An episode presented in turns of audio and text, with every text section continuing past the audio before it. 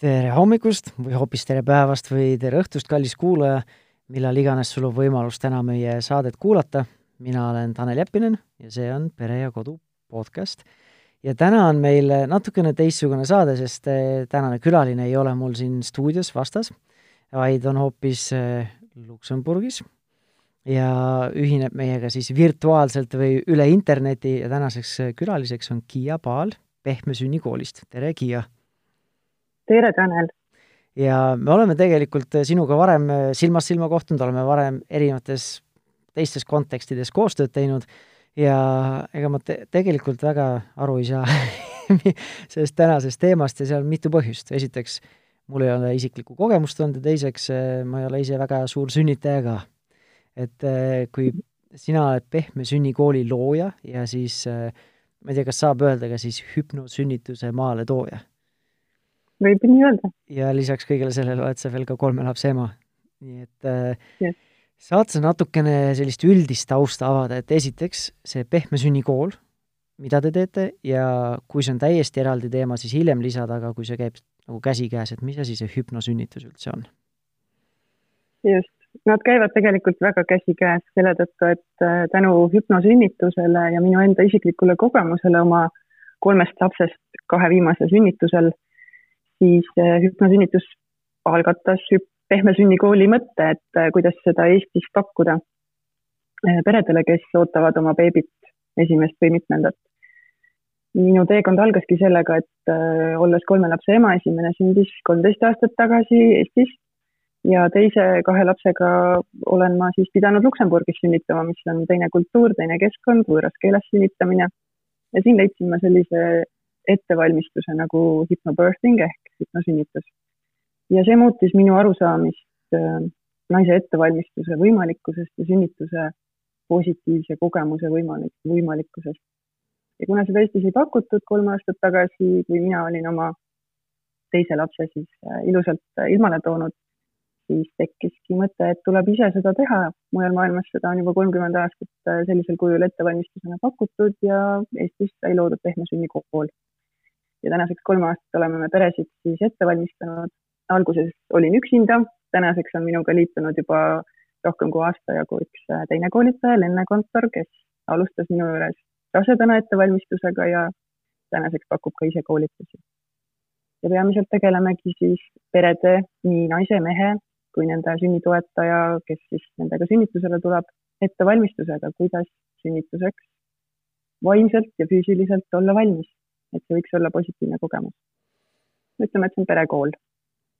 selge, sünnituse kool siis ongi noh õpetad, õpe, õpe, õpetad, õpite sünnitama või õpetate sünnitama või?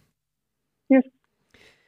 nii, ma sajaprotsendiliselt tegelikult äh, nagu, nagu ma ei tea, kas nõustun, aga selles mõttes, et nagu olen päriv, olen seda meelt, et äh, et see see nagu vaimsus või mentaalne, emotsionaalne ettevalmistus ja füüsiline ettevalmistus selleks on olulised. mina ei ole kunagi ise sünnitanud, äh, ma ei usu, et mul selleks võimalus ka tekib kunagi, aga ma olen kahel korral naisega seda teekonda läbi käinud. ja noh, eks seal tuleb palju asju, mängu tuleb mingi füüsiline, ma ei tea, see keha, mis sulle antud on, siis tuleb võib-olla mingi geneetika seal mängu ja muud asjad, on ju, räägitakse, et äh, sarnaselt nagu emaga vist sünnitad, sünnitakse ja sünnitatakse ja nii edasi. aga minu naine mm -hmm. nagu võttis ikkagi väga teadlikult seda, kogu seda äh, Äh, sünnituse protsessi selleks ettevalmistus käis äh, rasedate joogas, rääkis oma beebiga ja, ja, või meie beebiga ja oma kõhubeebiga ja nii edasi. ja, ja nagu tegi ük, üksjagu ikkagi sellist, ma ei tea, oma peaga siis tööd või vaimset või emotsionaalset mm -hmm. ettevalmistust ja meil on nagu võrdlemisi lihtsasti läinud selle asjaga. aga noh, kunagi ei tea, kui, kui suur osakaal erinevatel teguritel siin oli, on ju et äh, oskad sa natukene ise siis nagu laiendada, kui oluline see mentaalne või vaimne või emotsionaalne pool on selle sünnitamise juures? minu hinnangul ongi see äärmiselt, äärmiselt oluline, ma võiks kohe mehe jaoks natukene loogikat lihtsustada võib-olla sportlaste näitel. ehk seesama viis, mismoodi sportlased valmistuvad võistluseks, võiks olla sarnane sünnitajate valmistusega. see ei ole ainult füüsiline, et sa pead olema vormis, sa pead olema tervislikult toitunud, et su keha töötaks nii, nagu ta on looduse pealt ette määratud töötama. aga samamoodi see ettevalmistus vaimsel tasandil, sest kui me vaatame aastasadu ja sajandeid tagasi on olnud see ürgselt ju naise loomulik võime ja oskus sünnitada, aga millegipärast tänased naised peavad äh, tagasi minema juurte juurde ja õppima seda, sest äh, me ei oska oma instinkte äh, välja lasta sellel sünnituse hetkel, kui see kõige vajalikumaks osutub. Miks, sellepärast et me mõtleme ennast üle, me mõtleme ennast kinni, meil on hirmud. meil on erinevad lood, meil on meedia, sõbrannade jutud, see, mis sa ka mainisid juba et äh, tütar sünnitab just nii, nagu ema sünnitaks. Äh, kas sa ise usud sellesse? ja mina ei usu paljudesse asjadesse, millest räägitakse, ma kui juba keegi ütleb mulle, mulle see pehme sünnikool, oh, tundub vahva asi, aga kui keegi ütleb hüpnosünnitus, ma olen kohe automaatselt skeptiline. Et ma ei tea, milles see, milles see asi on, et noh, kui sina küsid, siis mina, ma ja ma arvan, et see ei ole nagu ette määratud, et nüüd nii nagu mu ämm sünnitas, et nii peab minu naine sünnitama, et ma, mina isiklikult sellesse noh, seal võivad olla mingid geneetilised soodumused, aga ma ei usu, et see nüüd nii on ja nii jääb ja peabki olema. just, harvadel juhtudel loomulikult võib seda mingisuguse geneetilise selgitusega avada, aga tegelikkuses me pärime lugusid. ehk kui su ema on rääkinud, kui ütleme, naise ema on rääkinud negatiivse sünnitusloo, siis naine on sellest mõjutatud kui sõbranna räägib negatiivse sünnitusloo, siis äh, võetakse ka see lugu üles ja see jääb meie hinge tegelikult äh, kripeldama ja võib välja tulla sellel kõige tundlikumal hetkel sünnitades, et oi, mu sõbranna rääkis, nii läheb mul ka nii. aga tegelikkuses, kui vaadata naisi ja nende erinevaid sünnituskogemusi, iga naine võib sünnitada väga erinevalt, erinevad lapsed, eks ole.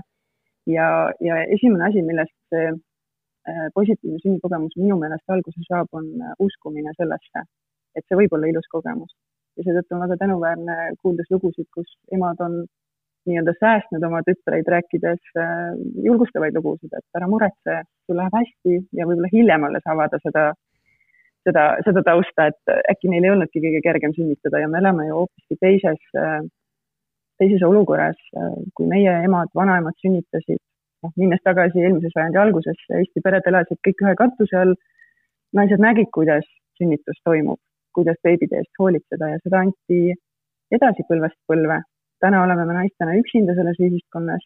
me peame õppima, kuidas beebi eest hoolitseda, kuidas, kuidas see loomulik äh, sündmus meie jaoks võiks äh, välja näha ja vot siin ongi need lood väga määravad ja meedia, et meisse on tekkinud äh, teatav kuvand sünnitusest ja kui vaadata meediat, siis see on kahjuks negatiivne, aga sünnitus ei pea olema selline negatiivne, kui me usuksime selle, selle ilusse ja sellest saab alguse ka iga naise sünnituskogemus, mismoodi ta on meelestatud sellele sündmusele vastu minema.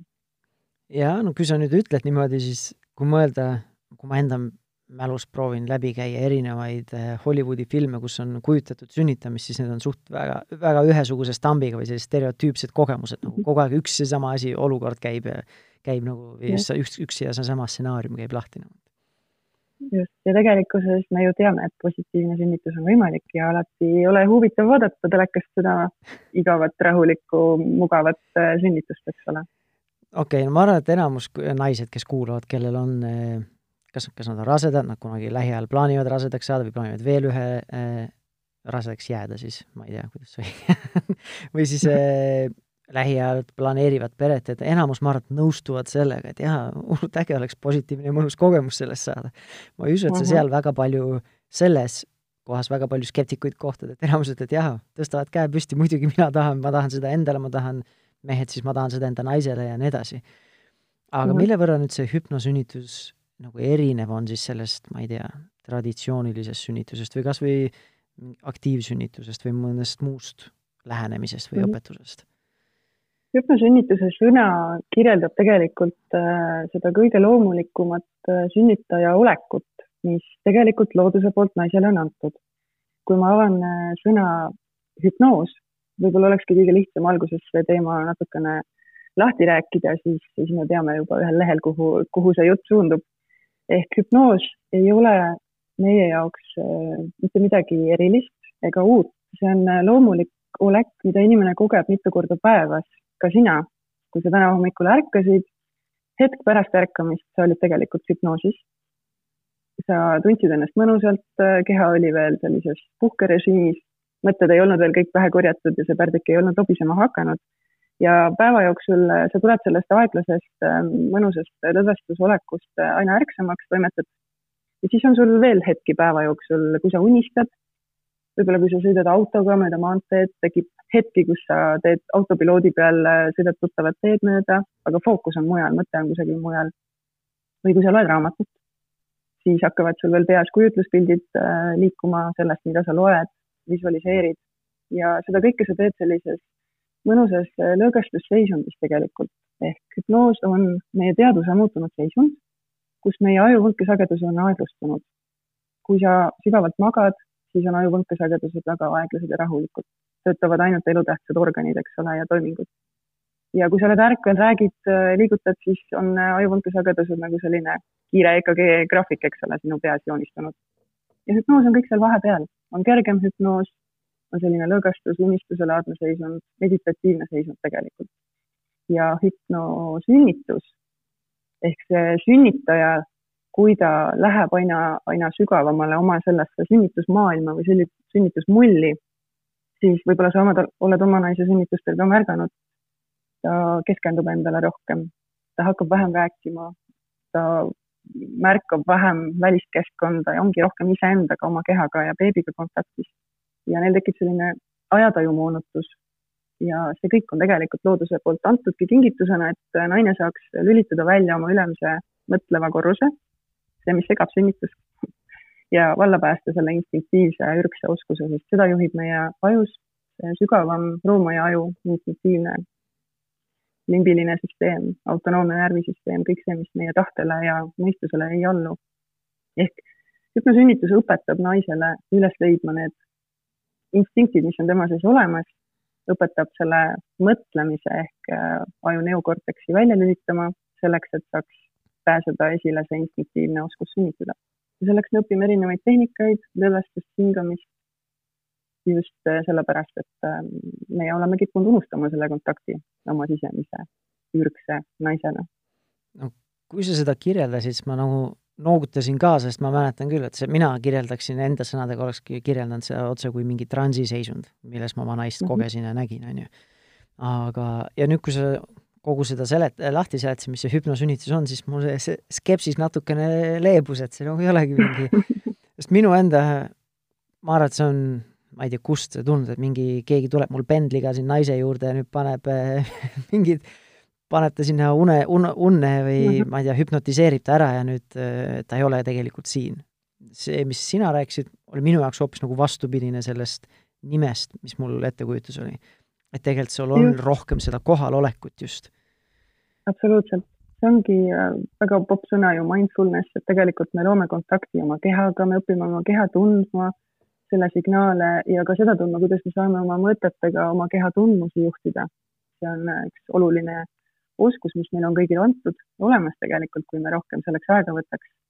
ja, ja see loogika tegelikult hüpnosünnituse taga, miks ta veel hüpnoosiga seotud on, on ütleme, selline meditatiivne seisund ainuüksi jah, aitab meil lõdvestuda, aga kuna meil on hästi palju neid kogunenud hirme, lugusid, meediapilte sünnitusest, siis me peame nendega ka enne tegelema ja sellises lõõgastusseisundis, milleni hüpnoosi juhendusega saab minna, on võimalik meil oma alateadvuses teha muutusi, ümber kirjutada seda informatsiooni enesesisenduste kaudu.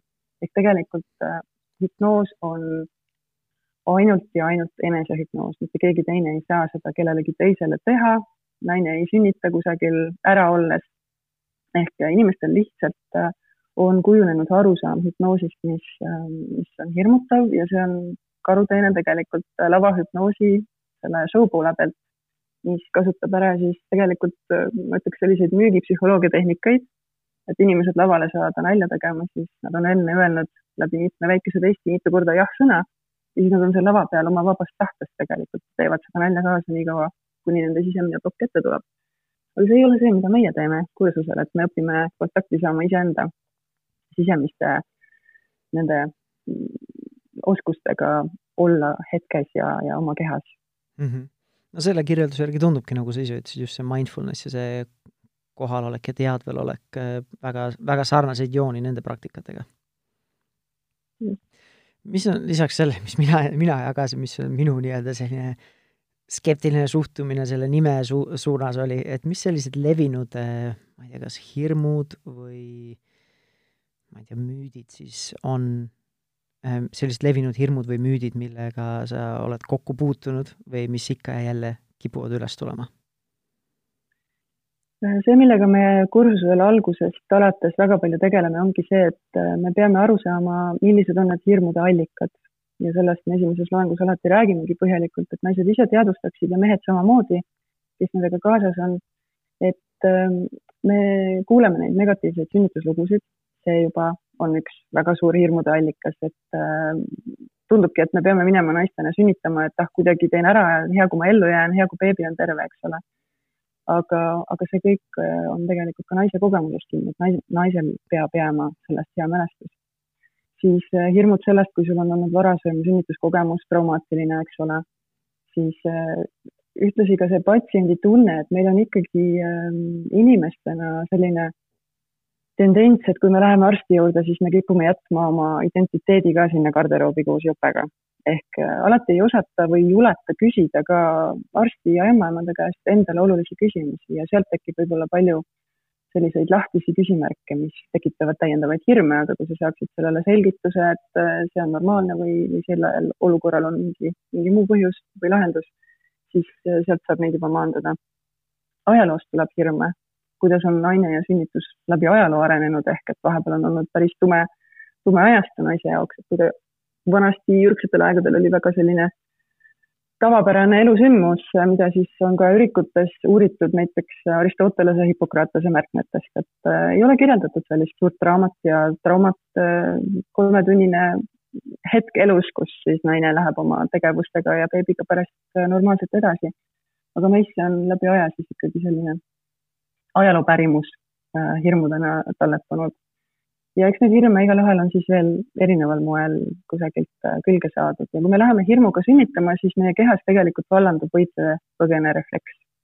ja see on see, mis ei allu meie kontrollile ja selles olukorras keha läheb pingesse, naine tunneb rohkem valulikkust ja sealt tekib paanika ja edasi see nõiaring hakkab käima. ehk kui me saame aru, et hirm on kõige suurem sünnituse takistaja äh,. Aina May Kaskin, kes on üks äh, tuntud ämmaemand laias maailmas, äh, on ka öelnud sellise lause, et inimene on ainus liik, kes kahtleb oma võimes sünnitada. ja seda on ka siis ämmaemandad praktikas tõdenud, et enamik sünnitusest toimub naise peas. ja et sealt saada nüüd lahti need kinnistunud hirmud ja mured, siis me sellega peame esmalt tegelema just, et aru saada, kust nad pärinevad. See naise pea on ikka üks võimas, võimas organ siis, et no jaa et kui Epp Kärsin oma koolitusel räägib, et eh, aju on kõige suurem seksuaalorgan, nüüd on ta veel kõige olulisem sünnituses osaleja ja nii edasi, et. jaa, aga me peame sellest ajust selle osa välja lülitama, mis segab sünnitust ja valla päästma selle sügavama ürgse aju osa, mis aitab mm. -hmm, nõus ähm,. räägime nüüd teist poolt, milles ma võib-olla tunnen ennast natukene rohkem kodus või mis, ma ei tea, kas kõnetab rohkem või et kuidas saavad partnerid oma naisele, siis kes ei ole veel sünnitama läinud, ütleme raseduse jooksul, raseduse lõpus ja ka siis sünnitusmajas või kus iganes nad otsustavad sünnitada sünnituse juures, äh, toeks olla. ja kust, kus see nii-öelda selline koostöö või koos olemine võiks alguse saada ja kuidas?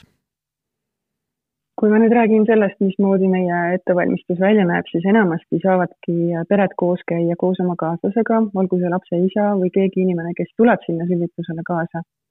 ja nendele me pööramegi väga suurt äh, tähelepanu just, et nad oleksid naisega võrdsel tasemel ette valmistunud nii teadlikul tasandil kui oskaksid naist ka emotsionaalselt mõista ja juhendada siis sünnituse ajal, et seda hirmu äh, maandada, et seda lõõgastust välja aidata tulla ja hingata nendega ette. seetõttu nad käivad koos koolitusel.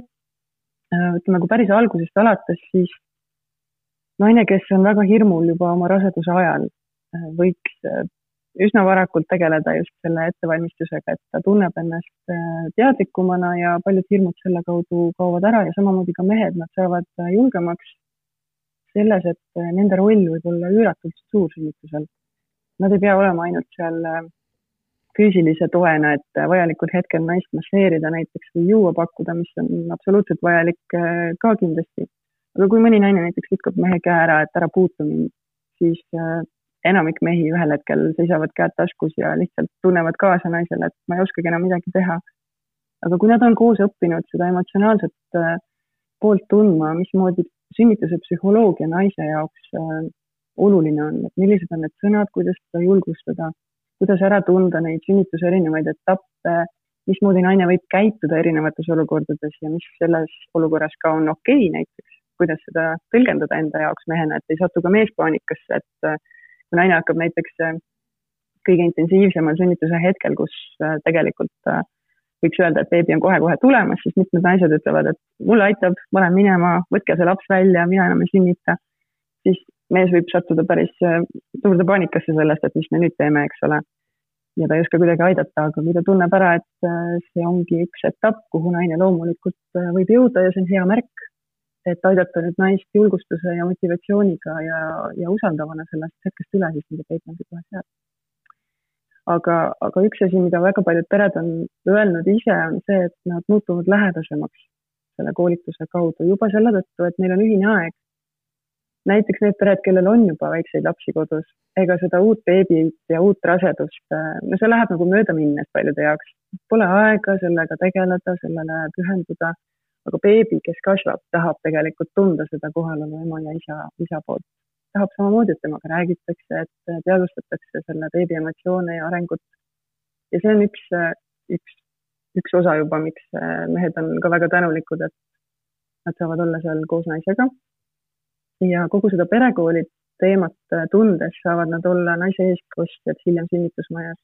et naine jällegi ei peaks mõtlema, ei peaks analüüsima, mees saaks teha väga palju seda paberimajandust, äh, suhtekorraldust äh, sünnitusmajas, vastata küsimustele, esitada küsimusi, teada olukordi, et see teadlikkus meestel annab sellise enesekindluse.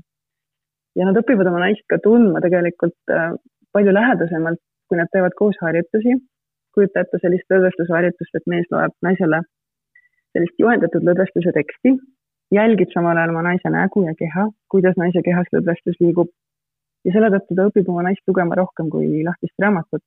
sünnituse ajal märkab ära, milline on naise nägu, kas ta on lõdvestunud, kas ta on pinges, mida ta vajaks. ja siis võtma appi need koos harjutatud lõdvestustehnikad. silitama, puudutama, ütlema õigeid sõnu, siis kõik, mis on eelnevalt harjutatud et need on, need on vast need põhilised äh, oskused, mida siis mees äh, tunneb sünnituse eel, et ta saab kaasa aidata. ja muidugi see armastaja roll, seda ei saa ära unustada, et teadvustada, et teinekord aitab sünnitada puhtalt see, kui mees ütleb, ma armastan sind, sa oled väga tubli, beebi juba tuleb. Näed, ühe asja ma tegin õigesti siis kõik te-. Need eelmised alati... asjad, nagu ma, ma ei os-, ma, ma ei ole teie koolist läbi käinud, nii et ma ei ole, ei ole osanud nendes asjades kaasa rääkida nagu.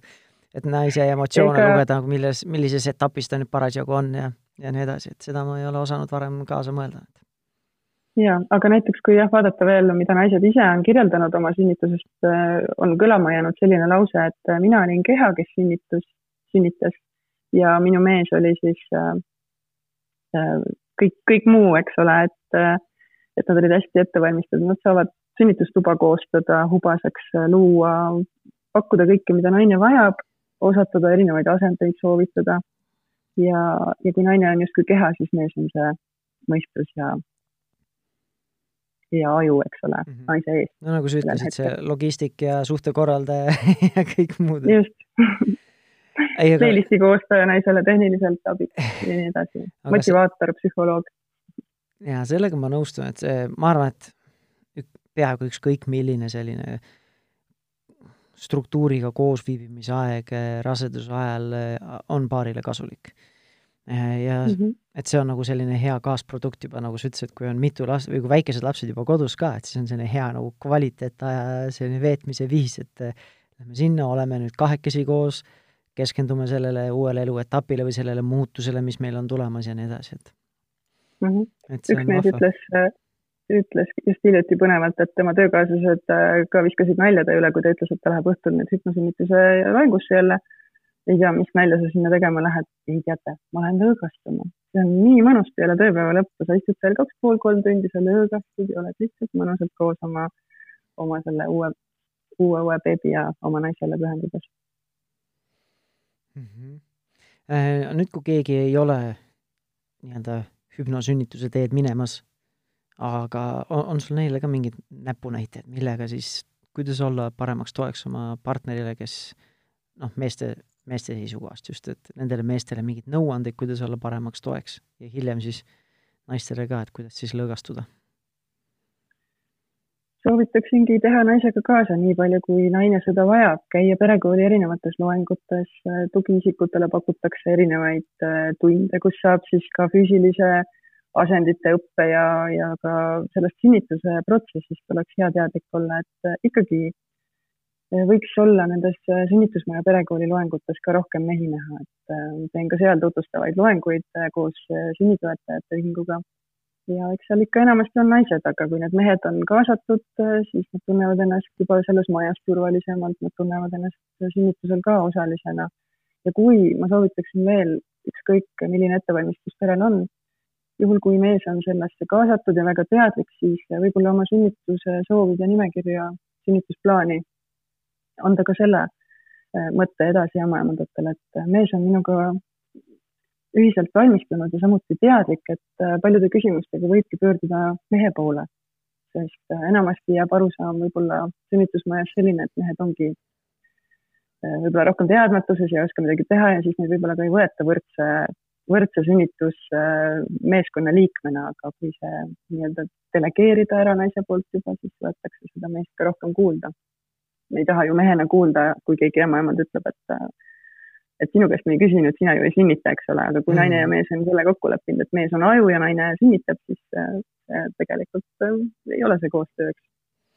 ja no seal on, ma ei tea, nii palju, kui ma mäletan, ikka adrenaliin on natukene kõrgem kui igapäevaselt, kui keegi tuleb, tahab mind veel paika panna, et siis võib ise hakata ka vastu paugutama okay.. ja mehel peab olema väga kõva diplomaatiasoon ka selles osas, et äh, mõelda sellele, et me ei lähe ju sünnitusmajja kuidagi äh, vastanduma või oma soovidega seal äh, esinema, vaid me läheme koostööd tegema.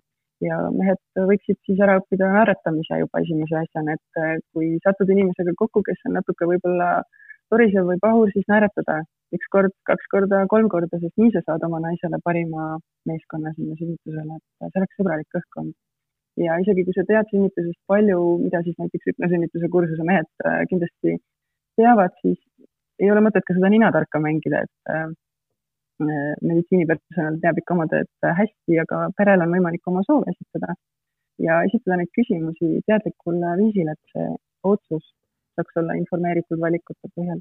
ehk alati küsida enne iga protseduuri, mis on selle kasud, mis on selle riskid, kas meil on alternatiive, mida naise sisetunne ütleb ja kas meil on aega. ehk äh, luua tõesti seda koostööd sõbralikul äh, moel ja olla see suhtekorraldaja siis jällegi. jaa, see on nagu elu õppetunnid juba meeste puhul võib-olla isegi alguse võiks saada see sellest, et mõelda läbi, kas me oleme koos otsustanud selle, et mina sünnitusele kaasa lähen. mõnikord see on nii spontaanne, et äh, räägitakse, jah, me lähme koos sünnitama, aga kui mees korra peeglisse vaatab, võib-olla ta ei tunnegi ennast nii hästi selles olukorras. võib-olla tal on oma hirme, millega ta peaks eelnevalt tegelema, et need ei tuleks naisele sünnitustoas kilpu kallale. ja kui tundub, et äh, läheb katust sõitma, siis äh, tõesti paluda, et ämmaemand oleks hetke oma naise juures, küsida naiselt luba, kas ma võin korraks välja minna, tuulutada ennast, sest sünnitustoas võiks olla hästi ähm, adrenaliinivaba õhkkond, et seal pääseks valla siis armastuse hormoon, oksüdotsiin, õnnehormoonid jaa, meil oli võib-olla lihtsalt situatsiooniliselt, et meil oli, mõlemad korrad olime sünnituse ajal sünnitusmajas, jõudsime sünnitusmaja pool tundi enne, kui laps, laps käes oli, nii et meil see oli, mul oli adrenaliin ikka selles nagu mingi sprintikäiks nagu no. kodus, kodus oli pingevabam enne seda oodata, nii et.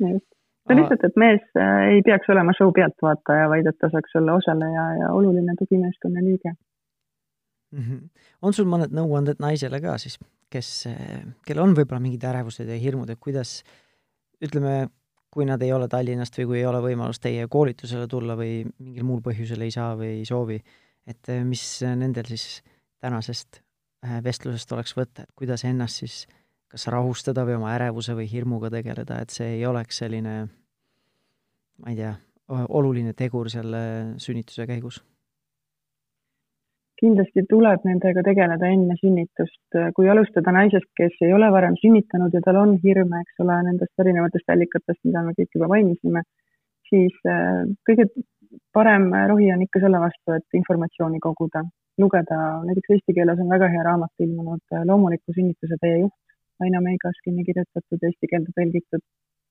Äh, lugeda seda ja sealt juba väga paljud naised saavad endale kinnitust, et sünnitus võib olla ilus, loomulik ja mis on kõik normaalne selle juures. kindlasti tasub siis leida ka endale inimene, kellega koos ikkagi ettevalmistust äh, teha, kui see ei ole mõni koolitus või perekool, siis äh, näiteks sünnitoetajad valmistavad äh, naisi individuaalselt ette või leida, leida omale inimene, kelle käest seda sünnitust puudutavat informatsiooni saada. ja kui on näiteks naisel varasemalt endal hingeline trauma sünnitusest, teadmatus, siis eh, miks mitte võib-olla võtta ühendust oma ämmaemandaga, kes selle sünnituse juures oli, rääkida korraks sündmus uuesti lahti, et saada neid eh, vastuseid, selgitust, miks tehti seda või miks oli nii oluline, sest see annab naisele selle rahu jälle tagasi, et ma tean, et see oli parim lahendus mulle ja beebile ja seekord on uus beebi, on uus sünnitus, kõik saab olema tegelikult jälle uutmoodi. ja kui see trauma on tegelikult väga sügaval hinges, siis eh, loomulikult kaaluda psühholoogi või erinevate teraapiate läbimist, et, et me saaksime minna uuele sünnitusele vastu tõesti enesekindla ja julge ja usaldavana hmm.. ja võib-olla üks soovitus veel, mis ma tahaks öelda. see on hästi ju teada, et sünnitusel on oluline lõdvestuda, on oluline hingata. tihti käiakse rasedate joogas ja erinevates rasedatele mõeldud tundides ja siis naine mõtlebki, et ma lähen sünnitama ja sellel päeval ma hakkan lõdvestuma ja siis ma hingan, ma tean, et see on oluline. aga tegelikult tuleb aru saada sellest, et lõdvestusoskus on äh, oluline kehamällu saada, et sellega eelnevalt tegeleda, kas siis läbi jooga tõesti või erinevate hingamiste harjutamise, sest äh, sünnituse ajal need asjad lendavad aknast välja, kui sul ei ole ettevalmistust, et, äh, et oleks kehamällu treenitud igapäevaselt raseduse lõpul harjutatud, hingata, et see kehatunnetus oleks olemas endal juba, milline mu keha on lõdvestunud, milline mu keha on hingates, et seda siis äh, spontaanselt sünnituse ajal teha. ja seda, seda juttu ma mäletan ise ka enda naise kõrvalt, et äh, sest tema käis päris aktiivselt äh, rasedate joogas ja, ja siis tegi neid asju, ma ei tea, poose, hingamisi kodus ka läbi, et Mm -hmm. ja kui mhm. ma ütlen, et sünnitusmajas meie olukorras oli palju adrenaliini, siis mulle tundubki, et kui sina ütlesid, et eh, naine on see keha ja mees on see, ma ei tea, pea, on ju, või aju, et siis meil oli ka, et minul oli adrenaliin, minul oli adrenaliin, temal vist ilmselt oli see hing, et tema keskendus oma hingamisele nagu mm. -hmm. et ma siis närv, närvis, närvid, närvi, olin närviline mõlema eest mm. -hmm aga ma ei taha sind konksutusest ära lasta, ma tahaks ikka ühe sellise küsimuse küsida ka, et et kui sa alguses ütlesid, et äh, et selline sünnitus peaks olema, võiks olla selline nagu mingil määral nagu ürgne või ikkagi, ma ei tea, sisse kodeeritud nagu oskus sellega toime tulla, et, et siin nagu mõned skeptikud võivadki küsida, aga miks siis hakata, käia, ma ei tea, iga nädal tunde kuskil koolitusel, et õppida tegema midagi, mida peaks nii või teisiti oskama teha, et mis, miks aega ja ressursse kulutada selle peale mm? -hmm no sellepärast, et me kuidagi näeme sünnituse olukordades, et see ürgne oskus äh, saab äh, segatud just nende hirmude poolt, selle tegelemata hirmu poolt, äh, sest väga sage ongi olukord, ütleme, kui võtta see võitle-põgene refleks, mis tekib meil iseenesest. kui sa oled ohuolukorras, siis su keha reageerib vastavalt, tuleb, pulss läheb kiireks, eks ole, no mõtle, kui sa sõidad autoga, keegi jookseb üle tee, käib niisugune jutt läbi hingamine läheb kiireks ja, ja sellel hetkel, mis juhtub, meie veri suunatakse jäsemetesse, mis on vaja võitluseks ja põgenemiseks, käed-jalad. aga sünnituse ajal on meil vaja seda verd ja hapnikku hoopiski emakalihastes. ja see on üks loogiline seos, mis äh, naistele alguses on vaja selgeks äh, saada ja ka meestele. miks me üldse hingame sünnituse ajal, miks on oluline mitte hinge kinni hoida, miks on sellest võitle-põgene reaktsioonist vaja välja saada ja kui naine on olnud näiteks sünnituse alguses kodus mõnusalt äh, koos kaaslasega, hingab ja kõik sujub ja läheb äh, sünnitusmajja, siis väga sageli vallandubki seal see esimene hirmu äh, olukord, kus äh, on uus keskkond, uued inimesed, võib-olla piiksuvad masinad, ere valgus tekitab kehas adrenaliini koheselt, eks ole. ja siis see turvatunne naisel väheneb, aga sünnituse ürgse instinktiivse käitumise valla laskmiseks on vaja meil turvatunnet. ja siis läheb mõnel naisel rohkem aega, mõnel naisel vähem aega, et leida uuesti sünnitustoas see tunne üles, et äh, see on äh, nende inimeste ja atmosfääriga siis loodud, kes äh, pakuvad talle seda tunnet. ja kui me nüüd ei valmistu selleks ette, siis me lihtsalt oleme selle hirmu võitle-põgene refleksi meelevallas. ja kui sa ei ole õppinud seda kuidagimoodi taandama, maandama, kontrollima, siis võtab meid üle paanika lihtsalt võtab meid üle mm.. no kui sa seda jaga, siis mul tuli kohe pähe see, kui sa ennem tõid näite sportlasega mm, -hmm. siis mul tuli sama, et nagu ma mäletan ise noorena, kui käisid võistlustel, et siis trennis oli küll vahva olla, aga nüüd pane sinna stardipakkude peale, siis kohe tunned mm, -hmm. kuidas ärevus tõuseb ja ma ei tea, keha, on vaja korraga tunned, on vaja vetsu minna, siis keha on, keha tahab, ma ei tea, igast jamast lahti saada, et siis kiiremini mm -hmm. joosta või mis iganes. et ma nagu, ma ei oska, ma ei oska ennast panna olukorda, kus ma oleksin sünnitama minemas. aga mm -hmm. vähemalt see näide mind kõnetas just selle poolest, et see ärevus äh, on nagu, ongi, sa oled võõras keskkonnas nii-öelda, ma ei tea, selline esinemisärevus kas või. jah.